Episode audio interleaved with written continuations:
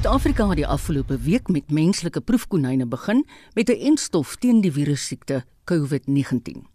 Die toetse word uitgevoer in samewerking met die Oxford Universiteit in Engeland en die eerste inentings is reeds toegedien. Dr Antoinette Koen van Wits Universiteit is by die proses betrokke en ons praat nou met haar. Goeiemiddag Antoinette. Goeiemiddag. Hoe werk hierdie middel? So, ehm um, ja, hierdie middel wat ons toets is vervaardig soos jy gesê het deur die Oxford Universiteit. Ehm um, dit is wat ons sal noem 'n 'n vektorvaksin. So wat hulle gedoen het is hulle het 'n uh, gewone adenovirus wat vir jou sal verkoue veroorsaak gevat en hulle het hom geneties verander sodat hy nie siekte kan veroorsaak nie toe het hulle die koronavirus self geneem. So die woord corona beteken kroon. As mens kyk hoe die koronavirus lyk, dan is dit soos 'n bal met 'n klomp stekels wat ons um, spike proteïene noem op sy oppervlakte. So hulle het een van hierdie proteïene geneem, sy genetiese materiaal uitgeknip en dit geplaas binne in die adenovirus wat onaktief is. So nou sit jy met 'n nuwe organisme amper wil ek sê wat nie siekte kan veroorsaak nie wat geneties lyk soos die koronavirus maar wat nie siekte kan veroorsaak nie. So hierdie word dan in die liggaam ingeënt en omdat jou liggaam dit as vreemd sien, vervaardig hy 'n antiliggaam teen hierdie. En dit is dan die antiliggame wat ons dan nou hoop gaan beskerm teen ernstige siekte. Weet ons al hoe veilig is dit vir mense om dit te gebruik? Ja, kyk, ons is nie die eerste land wat dit toets doen nie. In Londen het daar op hierdie stadium dink ek al naby 7000 mense ingeënt. So ons het baie veiligheids um, data van hulle en daar is nie enige rooi vlae op die oomblik nie. Ons self het hierdie week maar net begin. So ons het eerste 24 pasiënte ingeënt en ons het ook geen klagtes gekry van enige ernstige of eintlik enigsins neeweffekte nie. So ja, ons het baie veiligheidsdata. Maar ten spyte van dit kontroleer ons dit intens. So in hierdie studie het data veiligheids ehm um, board wel ek nou skief ek kan nou nie afskakel oor dink nie. En ehm um, hulle kom weekliks bymekaar. Dit is 'n groep mense wat nie deel is van die studie nie. Dit bestaan uit ehm um, kenners um, op die gebied, maar wat nie self deelneem aan die studie nie. So hulle kom weekliks bymekaar, kyk na al die data sien wie het die regte vaksin ontvang en wie het die placebo ontvang en dan sodoende kan hulle besluite neem oor of dit veilig is om voort te gaan of nie. Hoe seker is julle dat dit hoegenaamd doeltreffend teen die virus sal wees? Ja, dit sal ons nou spoedig kan sien. Ehm um, ja, op hierdie stadium weet ons nie. So ons sal eers moet genoeg pasiënte inent en hulle sal dan deur die corona um, tydperk moet gaan, moet doodgestel word sodat ons dan kan sien of dit werk. Op die oomblik beoog ons om 2000 mense ehm um, ehm um, deel van die studie te hê. Maar ehm um, wanneer ons omtrent 48 positiewe gevalle op die studie het, dan behoort ons te kan weet of die virus werk of nie, want soos jy weet, die helfte kry die enstof, die aktiewe enstof, die ander helfte ontvang placebo so om sodra ons genoeg inligting het dan dan kan ons kyk of dit werk. So ons hoop binne die volgende 4 tot 5 maande dat ons sal weet. Hoe word die deelnemers aan hierdie proewe gekies? Is dit sommer net algemene publiek of is dit gesondheidswerkers en hoë risikogroepe? Nee, dit is vrywilligers, algemene publiek. Kyk, ons navorsingseenheid is by Baragona Hospitaal geleë en ons is al 24 jaar wat ons studies doen.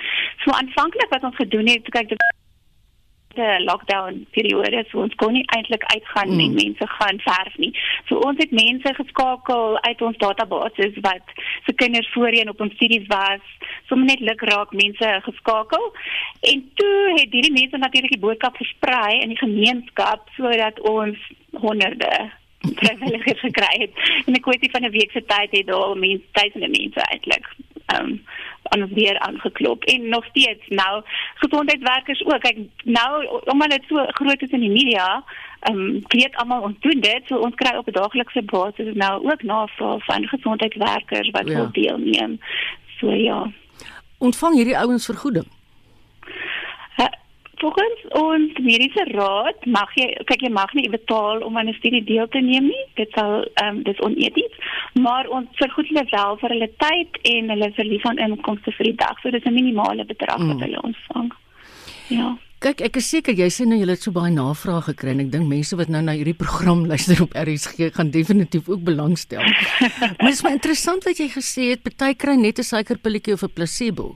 Is dit nou maar net om dit te monitor? Ja, die placebo is ook 'n inenting. Ons gebruik ehm um, wat jy noem saline, dit sout water.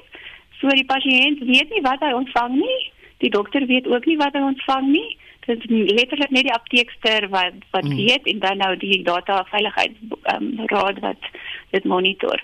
Kyk jy moet dit so doen um, om op alene te sien werk dit of nie en wat is die regte neeweffekte want as die persoon weet dat hy die aktiewe enstof ontvang gaan hy dalk vir jou sê ek het hier neeweffekte of die oorgestelde mm. afhangend van of hy nou wil hê dit moet suksesvol wees of nie. So dit mag gewoonlik gewoon CD's doen um, deur 'n uh, placebo ook um, ja. aan ten minste die helfte van pasiënte toe te gee. Antoinette ja. sou dan van die deelnemers verwag word om hulle aan die koronavirus self blootgestel te word. Ehm um, hoe sal julle weet of dit nie miskien maar net maskers of hande was is wat voorkom dat die mense siek word nie? Kyk, ek dink op hierdie oomblik is ons almal se blootstelling gelyk. Ehm um, as as jy in Soweto rondry, sal jy sien die mense daar glo nie so erg in die nie farmaseutiese maatreëls soos ander mense nie. Hulle dra nie hulle maskers so getrou soos ander nie. So ons ons weet hulle word ehm um, selfs as hulle na ons kliniek toe kom vir hulle besoeke, ek meen jy moet in 'n taxi klim, so jy word blootgestel daar. In die kliniek self, ons het veiligheidsmaatreëls om hulle so ver moontlik uitmekaar te hou, hande was, sanitasie, maar Die feit van die saak is ons word almal elke dag blootgestel. Jy mm. moet winkel toe gaan, jy moet gaan kos mm. koop. So ja. Um, Hoe gaan die proses vir ons leuke nou? Kyk, julle kom nou al 'n lang pad hier, maar hoe gaan julle proses nou verder verloop? Ehm um, wat bedoel jy vir die leuke? Nee, ek bedoel ons wat nou nie weet hoe julle te werk gaan. Jy sê het nou omtrent al 24 mense gedoen. Hoeveel ja. gaan julle doen in oh, goed. Ja. Ek verstaan. Ja, so um, ons beoog 2000 op hierdie stadium ehm um, die eerste 50 is 'n intense veiligheids ehm um, wat ons dophou vir veiligheid. Ons trek bloed op hulle om te kyk of hulle lewer en hulle niere voldoende werk voordat hulle die inenting kry en dan kontroleer ons die bloed um, deur die verloop van die studie om seker te maak dat nie enige iets verander wat toegeskryf kan word aan die inenting nie. So ehm um, daardie eerste 50 gaan ons hopelik Dinsdag klaarmaak. Ons kan nie te vinnig gaan nie want mm. daar is laboratoriumtoetse wat ook betrokke is en die laboratorium kan net 'n sekere aantal ehm um, toetse ja. doen op 'n dag. So maar na Dinsdag kan ons begin dan met die volgende groep van 1900 HIV negatiewe mense wat ons so vinnig as moontlik op die studie moet kry. Ehm um, want die ja, hoe gaan ons dit doen? Ja. Hoe ons kan bewys of dit werk of nie? En ons moet dit eintlik gedoen kry voordat die virus sy piek bereik in Suid-Afrika. Dink julle julle het 'n um, wenner beet? Dink ons ons het 'n wenner beet? Ja, ja, ja. Want ons hoop so. Daar is op die oomblik kyk daar's meer as 200 vaksines teen COVID wat op die oomblik besig is om ontwikkel te word. Maar ek dink daar is op die oomblik net 7 of 8 wat in mense getoets word reeds. En van die is die Oxford vaksin die verste gevorder. Um, hy hulle begin al reeds fase 3 studies wat massiewe studies is waar hulle 30000 mense gaan in in, Amerika op die oomblik hulle besig met 10000 in Londen nadat hulle reeds eerste 4000 gedoen het. So uh, die toetse is ver gevorder ja. en dit is belangrik dat ons dit nou ook in sodat ons vir hulle kan sê ja, dit werk ook in ons populasie in Suid-Afrika. Ehm um, wanneer die vaksin wel beskikbaar is, laat ons dit kan kry vir ons mense. Antoinette, wanneer sal ons weet? Hoopelik teen Oktober November sal ons weet of dit werk of nie. En dan realisties gesproke kyk ons na om dit nou beskikbaar te stel in die publiek waarskynlik eers teen volgende jaar September. Ja.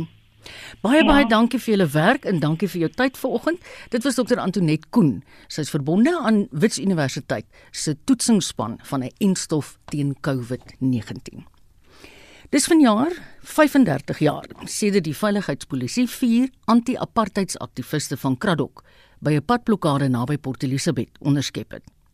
Matthews Guniwe, Fort Kalata, Sparrow Mkonto en Sicelo Mhlawuli is nooit weer lewend gesien nie. Hulle is ontvoer, vermoor en verbrand vir hulle aandeel in die stryd teen apartheid.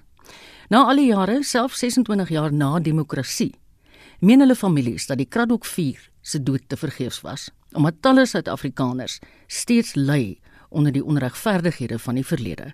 Veronica Fourie doen verslag. Die Kraddock 4 het as helde van die vryheidsstryd gesterf. Hulle het met hulle lewens geboet vir die vryhede wat vandag geniet word. Hulle het die onderdrukking beleef en dit was hulle passie om dit te beveg. Maar die toestand van honderde dorpe in die land, soos Kraddock, laat die families van die vier teleurgesteld. Fort Kalata se weduwee, Nomonde Kalata, sê dis hartseer. Uh, it's so hurtful to realize in these 35 years that my husband have passed away. We are almost still where we were during the time that he was killed. We had hopes that uh, when we went into democracy, that things will change. There's a, a little change. In Craddock, actually, there's no shacks anymore. They built houses. The houses are nothing better than the shacks that they used to, to live in. Fort Kalata en Matthew Koniwe was albei onderwysers. Hulle was gewilde gemeenskapsleiers op Craddock en hulle veral beywer vir gelyke onderwys vir almal. Nou, 35 jaar na hulle dood, is daar steeds onvoldoende infrastruktuur en skole in die area waar hulle vandaan kom. Kalata sê daar is 'n gebrek aan ontwikkeling in die dorp. What is frustrating is that Craddock is like not moving forward because there's a lot of poverty, there's a lot of people who is suffering and the schools are not upgraded in the good standard and my husband and with Matthew Goniwa, they were so much good leaders. They really like tried to fight for the rights of the people. Sparrow Mkonte wou 'n alliansie vorm om die kwessies van onderdrukking te beveg. Maar sy weduwee Sindiswa Mkonto stem saam met weduwee Nomondo Kalata. There is absolutely no difference since her husband died. Things are still the same. The roads are still the same. Selfs mede-vryheidsvegters twyfel nou of hulle stryd die moeite werd was. Daisy en Volendlela Bonsi sê die toenemende armoede en stagnante ontwikkeling laat hulle met meer vrae as antwoorde. Where I'm sitting right now, you can also see as you walk down the street, it looks like we never fought for better infrastructure. You can also see how this area is. You'd swear we never fought for freedom. There is absolutely nothing positive that you can pinpoint about Craddock. Our streets have no tar road. It is very hard because you can never brag confidently about anything that improved as a result of our fights against apartheid. 'n Gedenktuin vir die Kraddock 4 is verlede jaar op die dorp onthul. Die provinsiale regering hoop dat die multimiljoen rand projek toeriste na die dorp sal lok en die ekonomie 'n hupstoot sal gee. Veronica Fourie in Port Elizabeth. Ons gaan vir 'n wyle stil staan by hierdie onderwerp aangesien dit vandag presies die herdenking is na 35 jaar. Ons het vroeër in die week berig dat die voormalige president F.W. de Klerk hom aan die Amerikaanse Advokaatvereniging se 2020 jaarvergadering onttrek het. De Klerk is genooi om te praat oor die oppergesag van die reg, rasisme en minderheidsregte. Dit kom na die vereniging 'n aantal briewe van aktiviste, akademici en regslui ontvang het waarin hulle versoek is om die klerk se deelname te heroorweeg. Die seun van een van die Kraddock 4, Lucanio Colata, het ook sy besware geopper. Monitor het met hom gepraat en ons speel nou 'n kort uittreksel uit die onderhoud waarin Colata beweer dat die klerk geweet het van 'n besluit om die Kraddock 4 om die lewe te bring. The fact that my father and Matthew Goniwe had successfully led a revolution mm. against the National Party they they just couldn't understand it. So they then took a decision, and there are plenty of there's plenty of evidence of where Mr. De Klerk, who was Minister of Basic Education and Training at the time, mm. where he sat in on meetings of the State Security Council, and in those meetings, they would discuss what to do about these two teachers who, were in the Eastern Cape that were acting as agitators, according to one minister, Barent Duplessis. And there were calls uh, to permanently remove them from society. Now, all of these things are documented. Hmm. Um, and and then on the 27th of June, uh, my father, Fort Kalata, and his comrades, Matthew Goniwe, Selom Shauli, and Sparum Konto, they were assassinated by security forces. En dit was aan Lucanio Kalata, die seun van Fort Kalata, een van die Kraddock 4. Generaal Johan van der Merwe, oud polisiehoof, was in 1985 tweede in bevel van die veiligheidstak van die Suid-Afrikaanse polisie en ons praat nou met die generaal. Goeiemôre. Goeiemôre. Baie welkom by die program. Baie dankie. As ons net kortliks konteks kan skep. Daar was uiteindelik 6 lede van die veiligheidstak wat om amnestie aansoek gedoen het vir die moord op die Kraddock 4 nie waar nie. Hoe was hulle betrokke? Ja, ja, korrek. Hoe was hulle betrokke? kyk mense mense dink dat moet mooi kyk dat die omstandighede wat geheers op daardie tydstip mense het 'n gedagte hou uh dit as jy as jy dit nie doen nie dan kan jy nie perspektief kry nie daar het 'n revolusionêre stryd geheers uh dit was kort nadat die bomvoorval by uh die Kerkstraat uh, gebou plaasgevind het waar daar 21 weerlose persone was, die persone wat betrokke was by die stryd. Die vrouens en kinders gedood is. 217 ernstig beseer en vermink is. So daar in die algemeen was daar 'n atmosfeer van geweld en doodslag gewees. En wat in daardie omstandighede wat hulle van weer die feit dat die vier persone uh, volgens hulle mening betrokke was by die uh onrus en ook in 'n sekere mate die uh klimaat van geweld wat dat in die oorweeg bestaan en hulle van mening was dat die persone 'n wesenlike bydrae gelewer het om die onrus en geweld te bevorder en as gevolg daarvan natuurlik te besluit het om hulle om die lewe te bring.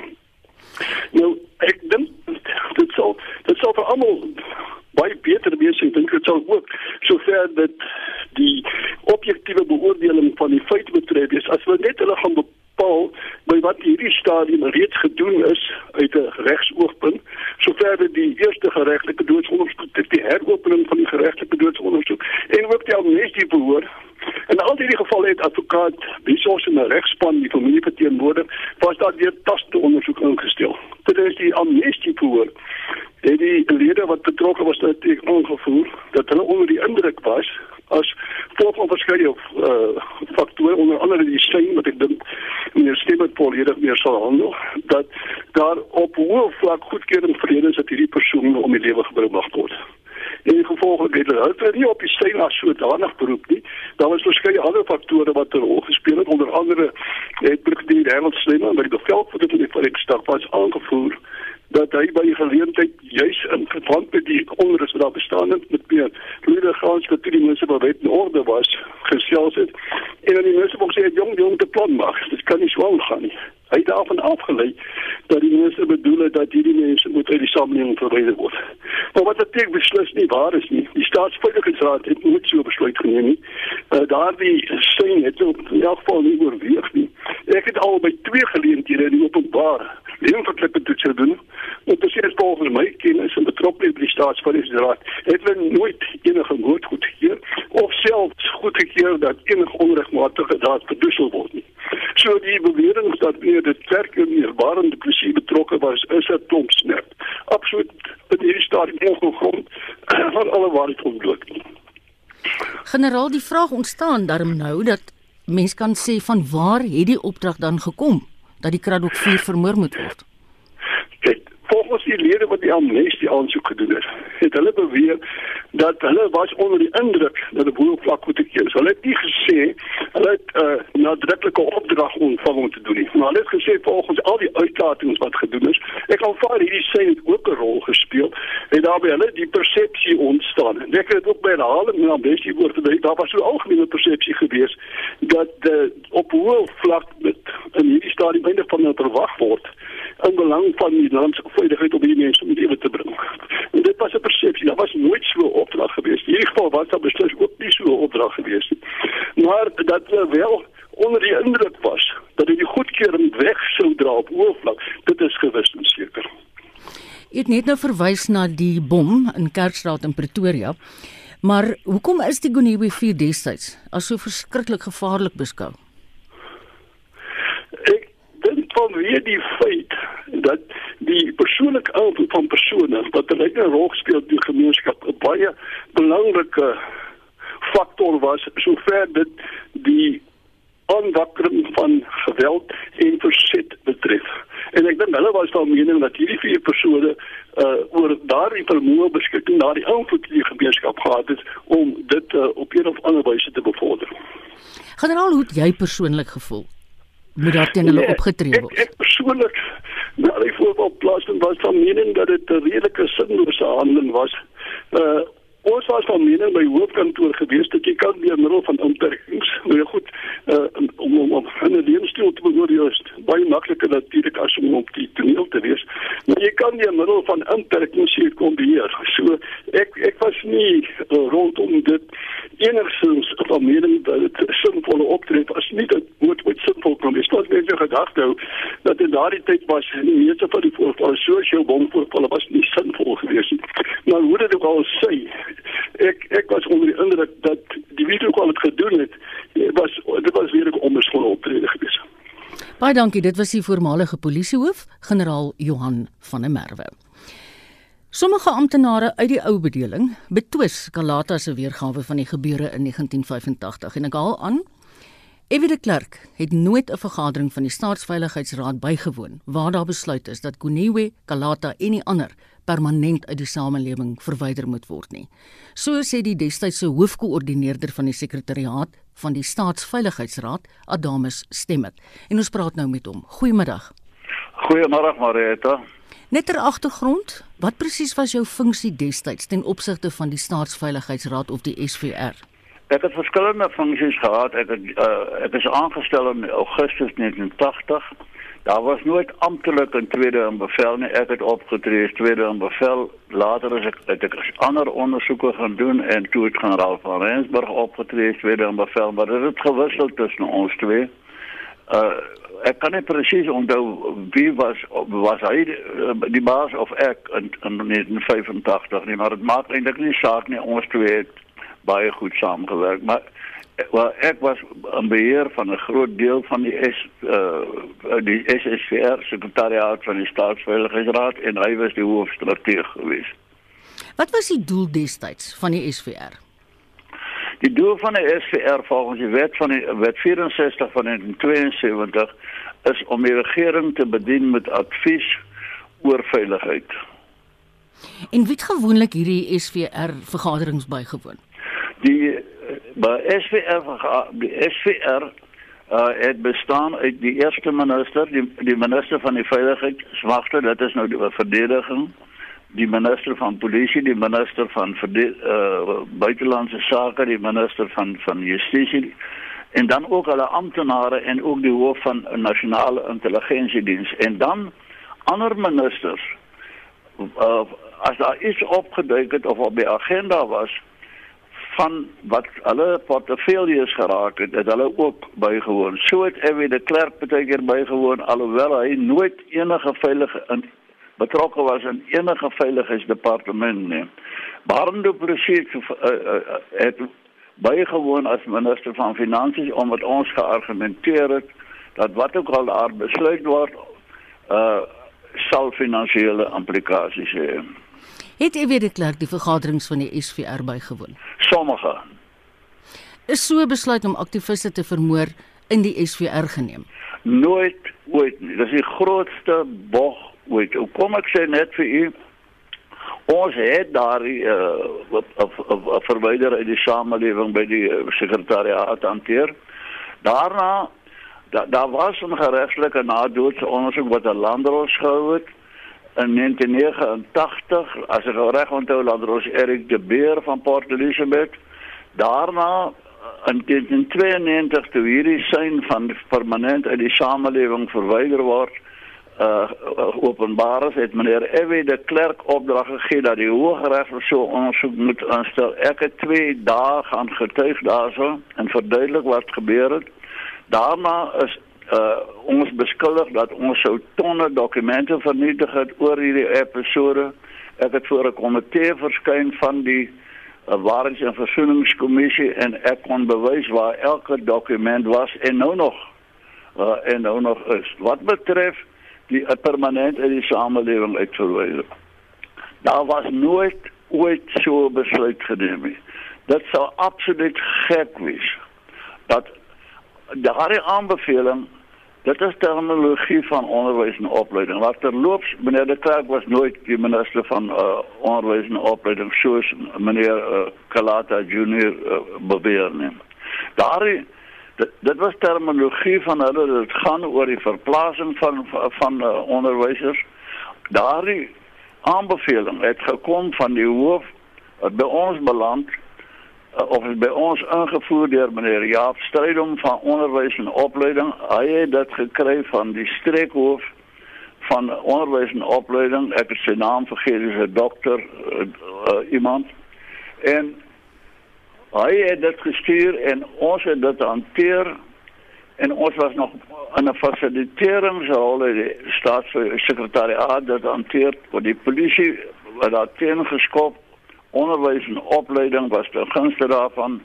En ons het dit ondersoek.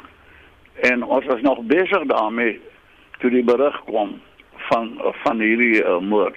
Die sein van die 7de Junie wat uh, kolonel Lourens du Plessis as ek reg onthou hy het onderteken Hy was die sekretaris van die van die uh, gesamentlike bestuursentrum van Port Elizabeth. Die in 'n ander kanaal na ons toe gekom.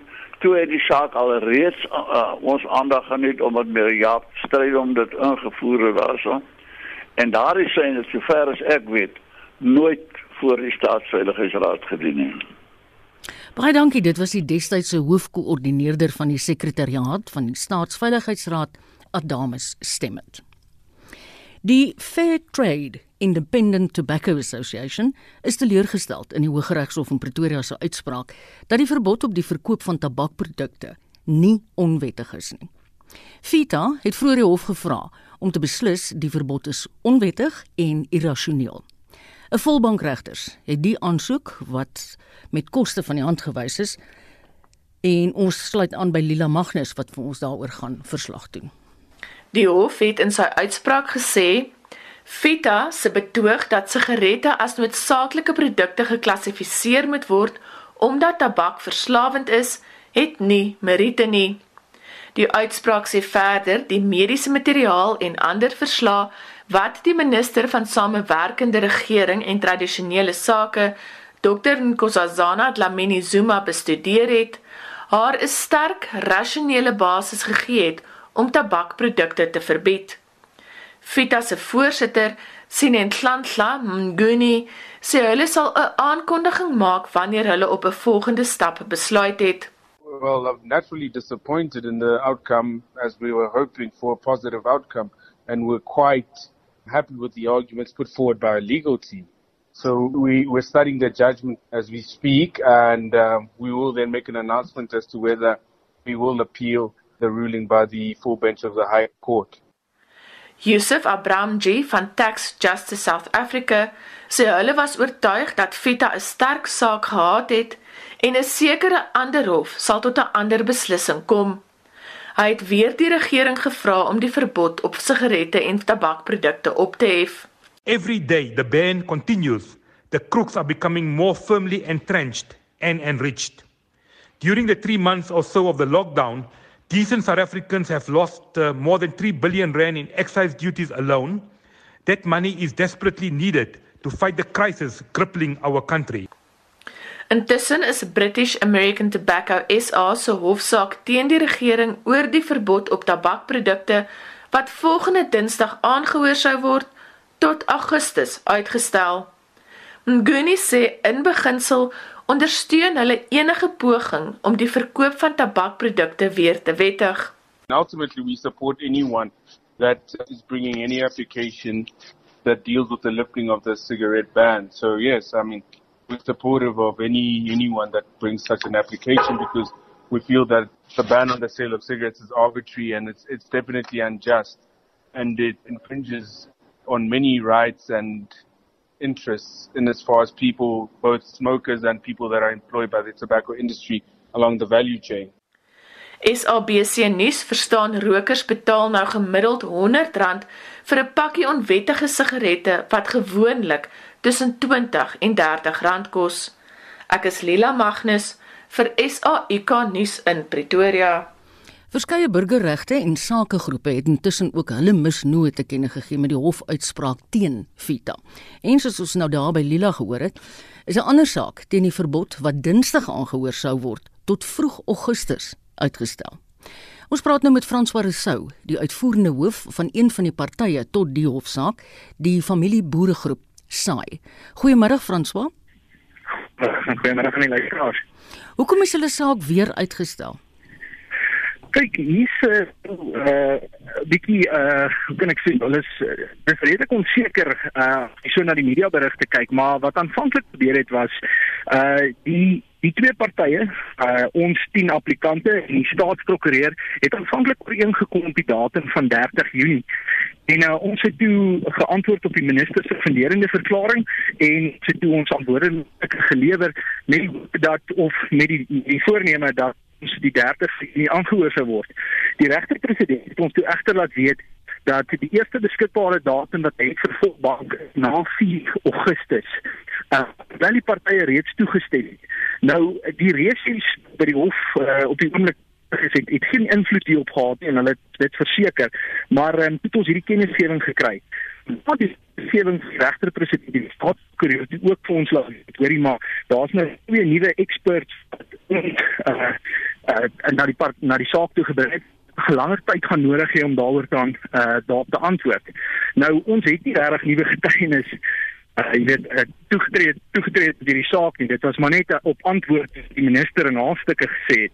So dit is die aanvanklike rede en toe ondersteun die staatsprokureur die uh regter-president se besluit dat die saak dan uitgestel word tot mm. in Augustus. Mm. Hoe raak gister se uitspraak in die Vita saak, julle saak? ek ek, ek dit is 'n is 'n terugval vir ons want die saak gaan 'n wesenlike rol speel in in in saak. En ek bedoel eh, dit 'n president word geskep en en ook geskep daartoe. Maar ek dink nie die Vita saak is so breedvoerig tot wat ons aan uh, aangehaal het in ons stukke nie.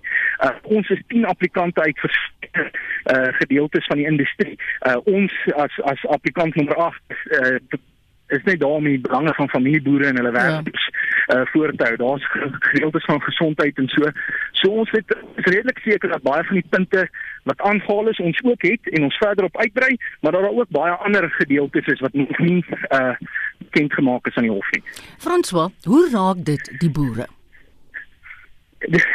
dis 'n reuse ou. Ek het gister met drie tapboere gepraat wat vir my gesê uh hulle finansiële situasie is nou besig om in 'n krisis in te gaan.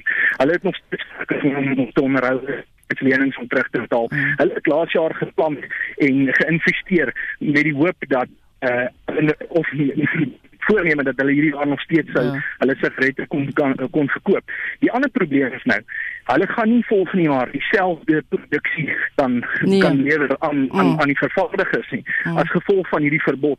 En hoe langer dit aanhou, hoe hoe erger gaan dit raak. Baie dankie. Dit was François Rousseau. Hy is die uitvoerende hoof van die familieboeregroep SAI.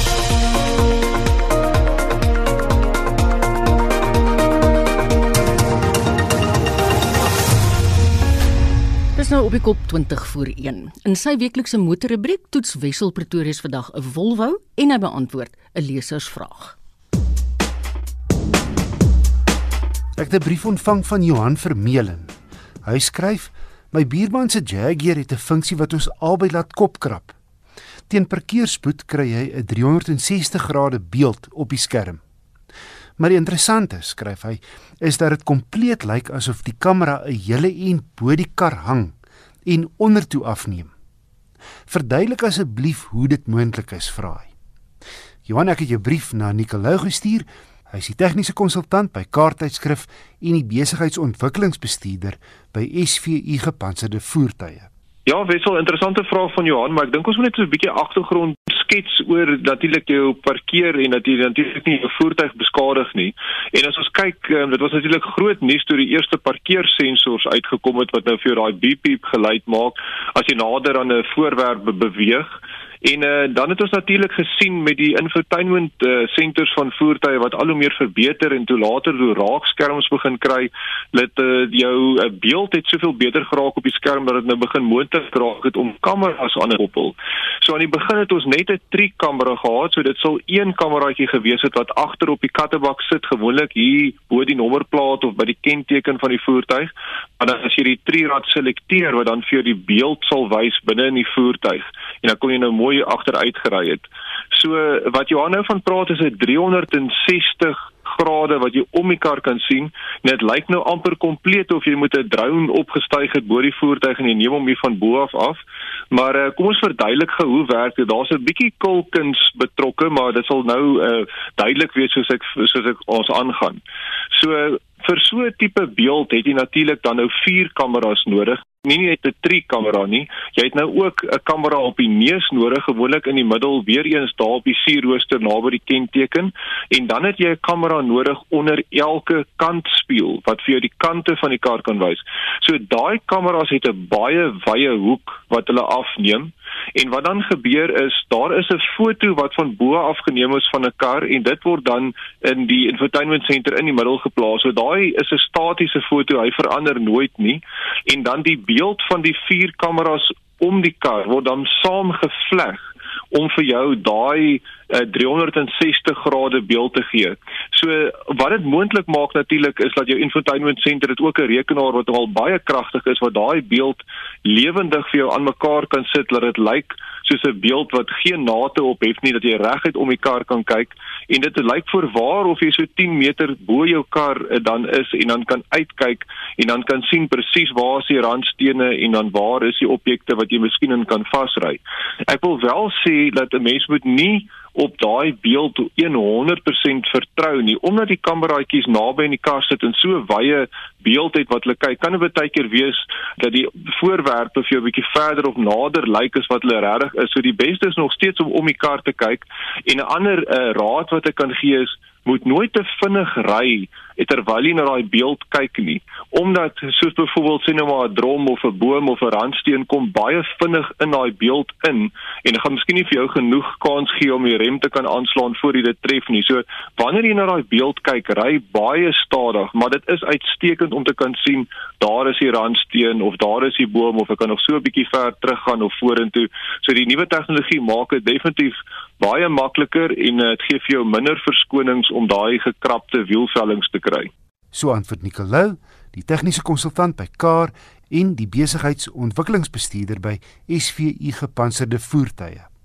Indien jy 'n motornavraag het, is jy welkom om dit te e-pos na wissel@rsg.co.za.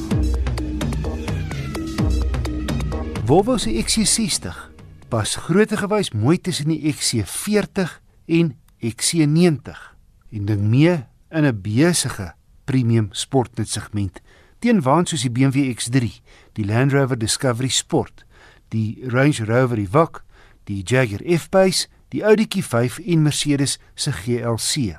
En daar eindig die lys nie.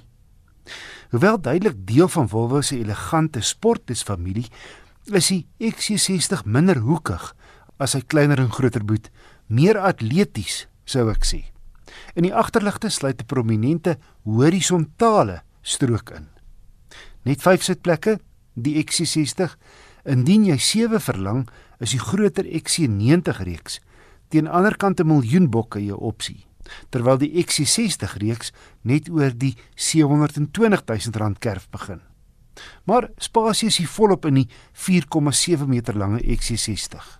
Ook in die meeste ander opsigte sit die Volvo nie 'n voet verkeerd nie. Hy's rondom 'n uitblinker. En dit maak sin dat die XC60 as 2018 se wêreldmotor van die jaar aangewys is. Dis 'n kombinasie van styl binne en buite, topafwerking, gerief, tegnologie en sofistikasie. Ek het die XC60 D5 met die Lexer Inscription afwerking gery. Terloops al die XC60s, daar's twee petrol en twee diesel modelle is in Suid-Afrika net met vierwielaandrywing beskikbaar. Die binneruim is minimalisties, maar terselfdertyd lyks en smaakvol afgerond. Hierdie inscription model gee vir jou heelwat metaalafwerking. Daai tipe met so 'n geweefde struktuur wat die donker gedeeltes in die kajuit netjies konstateer.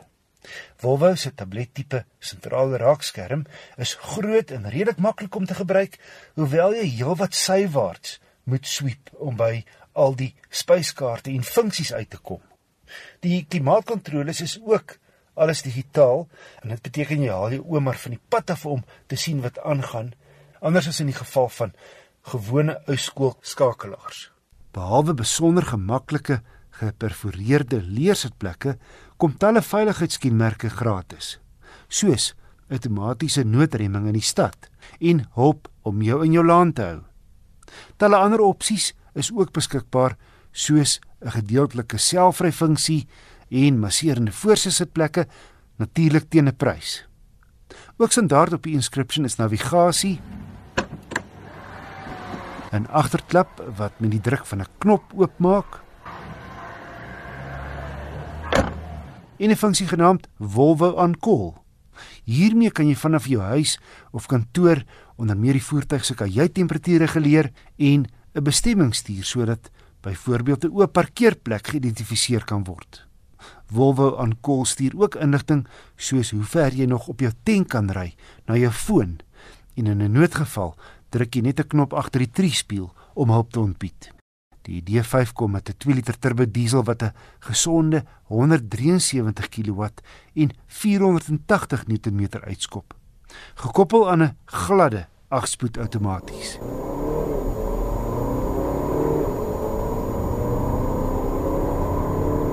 Kaarttydskrif het 0 na 108,4 sekondes afgelê.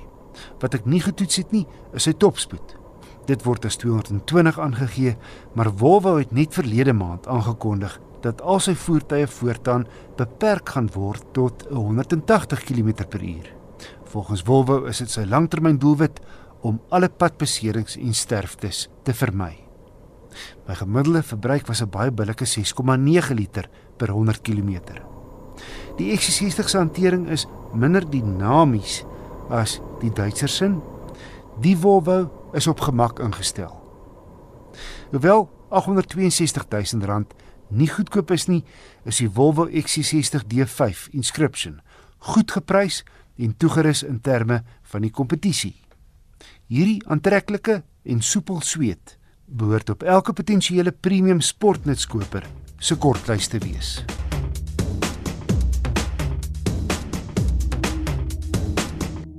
En dit was Wessel Pretorius.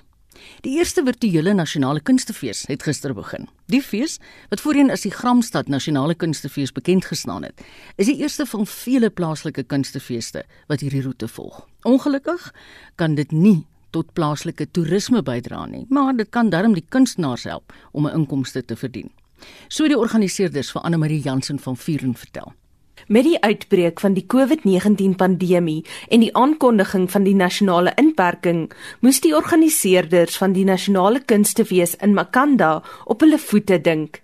Die uitvoerende hoof, Monica Newton, sê hulle het dus voor die tyd vir kunstenaars vir programvoorstelle gevra oor hoe hulle werke omskep kan word om op 'n aanlyn virtuele platform te werk. We invited artists to submit ideas and basically worked from the foundations up, discussing collaboratively how artists could embrace the space and in some respects really making quite a lot of technical and creative input to imagine and produce completely new work. There were also artists that already had work and we were obviously open to accepting those works and we definitely have some incredible local and international work on our platform.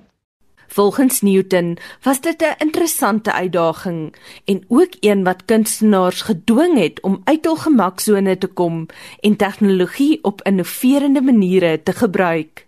Almost everything is new for us this year. There's some very innovative work that for example uses robots to create portraits in a fascinating piece called Human Study. The Low Def Film Project has created work with young filmmakers in Khayelitsha and Cape Town entirely on WhatsApp. And the virtual exhibitions really do present new ways to see visual arts work in new spaces. Our craft and design community are also joining us with a shop window called the Virtual Green, which showcases their products in beautiful photographs. The products this year are selling themselves. Sy sê die fees kry groot aftrek. We're really encouraged by the interest that the audiences of our festival have shown. People are wandering around the site. Uh, we've had a huge number of folks having a look around, browsing. We've had ticket sales from locally and abroad. So while we're not really able to peg a number as yet, because this is really all very new to us, we're really, really hoping uh, that South Africa, African continent, and in fact the world show up to enjoy our virtual festival this year. Ongelukkig beteken die virtuele platform dat besoekers nie hierdie jaar na Makanda voorheen Graamsstad gaan stroom om plaaslike besighede te ondersteun nie. Newton sê met die inperkingsregulasies wat steeds nie verbly vir plesier toelaat nie, moes hulle maar die beste van 'n slegte saak maak.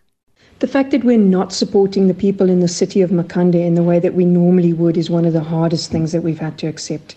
Where possible, we've worked with local artists and businesses, but nothing will replace the revenue that the live festival brings for the city. Sy verduidelik dat hierdie jaar se fees 'n nuwe rigting vir kunstefeeste aandui, wat dalk nooit weer dieselfde gaan wees nie. Dit was Monica Newton, die uitvoerende hoof van die Nasionale Kunstefees in Makanda in die Oos-Kaap.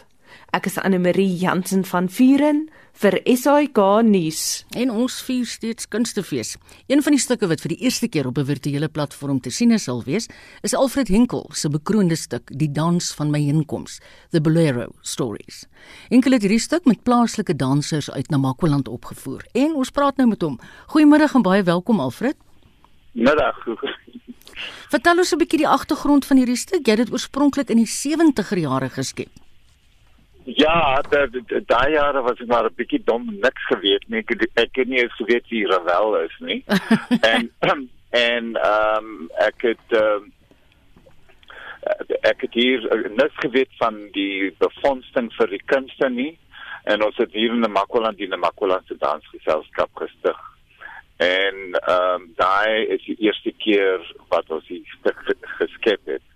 So ehm um, ek praat dan uh, oor die stuk en ons wys hoe sê mens uh, archival footage ek kan wat ja, in Afrikaans argief ja. argief beeldmateriaal ja. ja ja en en ons het eintlik argiefmateriaal van van daai uh, 70 jare ook en dis skoon dan dan praat ek oor jare oor wie dit gedaan het hoe hoe kom ons dit gedoen het en ek vertel maar 'n klomp stories en ek praat te veel ons moet dit vreeslik sny.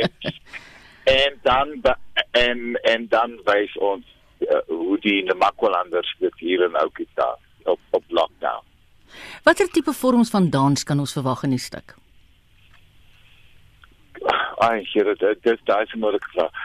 Kyk, die dis contemporary daar. Mm. Okay, maar ehm um, ons gebruik soos ons land praat ons baie tale en ons dans ook baie tale. So ons so ons gebruik 'n uh, klomp danstale en dit is van uh, klassieke beweging Bharatanatyam wat 'n uh, klassieke uh, Indian dans is en gumboot en ja. uh verskillende Afrikaans danse en dan uh, sort of urban street dances maar maar dit is eintlik alles contemporary dans. Hoe put jy inspirasie uit die digter Ronelda Kamfer se werk om dans te koreografeer? Ek is mal oor die manier wat Ronelda Kamfer die taal gebruik en die die stories wat sy skryf, die gedigte wat sy skryf, praat so duidelik met met ons gehore hier in Namakwaland. En ehm um, wel dan jy weet ons ons dit vat 'n lang tyd om die, die, die, die, die ek uh, gee die dansers klomp idees om te werk en dan dan skep hulle 'n danstaal wat uh, nog 'n laag bo of en onder en in die middel van Ronaldo se taalgebruik. Ja, ek weet nie hoe om dit aan Nee nee, ons verstaan. Ons verstaan. Alfred, hoe hoe werk dit as luisteraars hierdie stuk aanlyn wil kyk? Okay, well ek sit hier in ou klip en ek weet ons het almal uh, uh ons het almal uh, hoe sê mens uh, vouchers gekry en die meeste mense sukkel. So die die beste is om op uh, uh die uh, website te gaan, die National Arts Festival online website. Goed. En dan en as jy dan uh, uh die uh, dans van my heenkom soek, dan Goed. sê hulle vir verduidelik hulle hoe jy dit daar kan uitkom. Baie geluk met julle produksie. Dis die koreograaf en regisseur Alfred Henkel. En hulle is reeds aan die gang met hulle virtuele fees. Kom ons kyk 'n bietjie na die Amerikaanse country groep, die Dixie Chicks wat sê hulle gaan nou vorentoe net die Dixie net net Chicks wees. Hulle gaan die Dixie gedeelte weglaat want hulle voel die rede hiervoor is die verbintenis wat die naam met Dixie en die suide van Amerika het en natuurlik met slawerny. Nou dit vind plaas teen die agtergrond van Black Lives Matter. Kom ons luister na die Chicks se gewilde liedjie Wide Open Spaces en namens Hendrik Martin en Dalton Godfrey sê ek dankie vir die saamkuier en ons gaan 1 uur weer by een aansluit vir die nuusbulletin.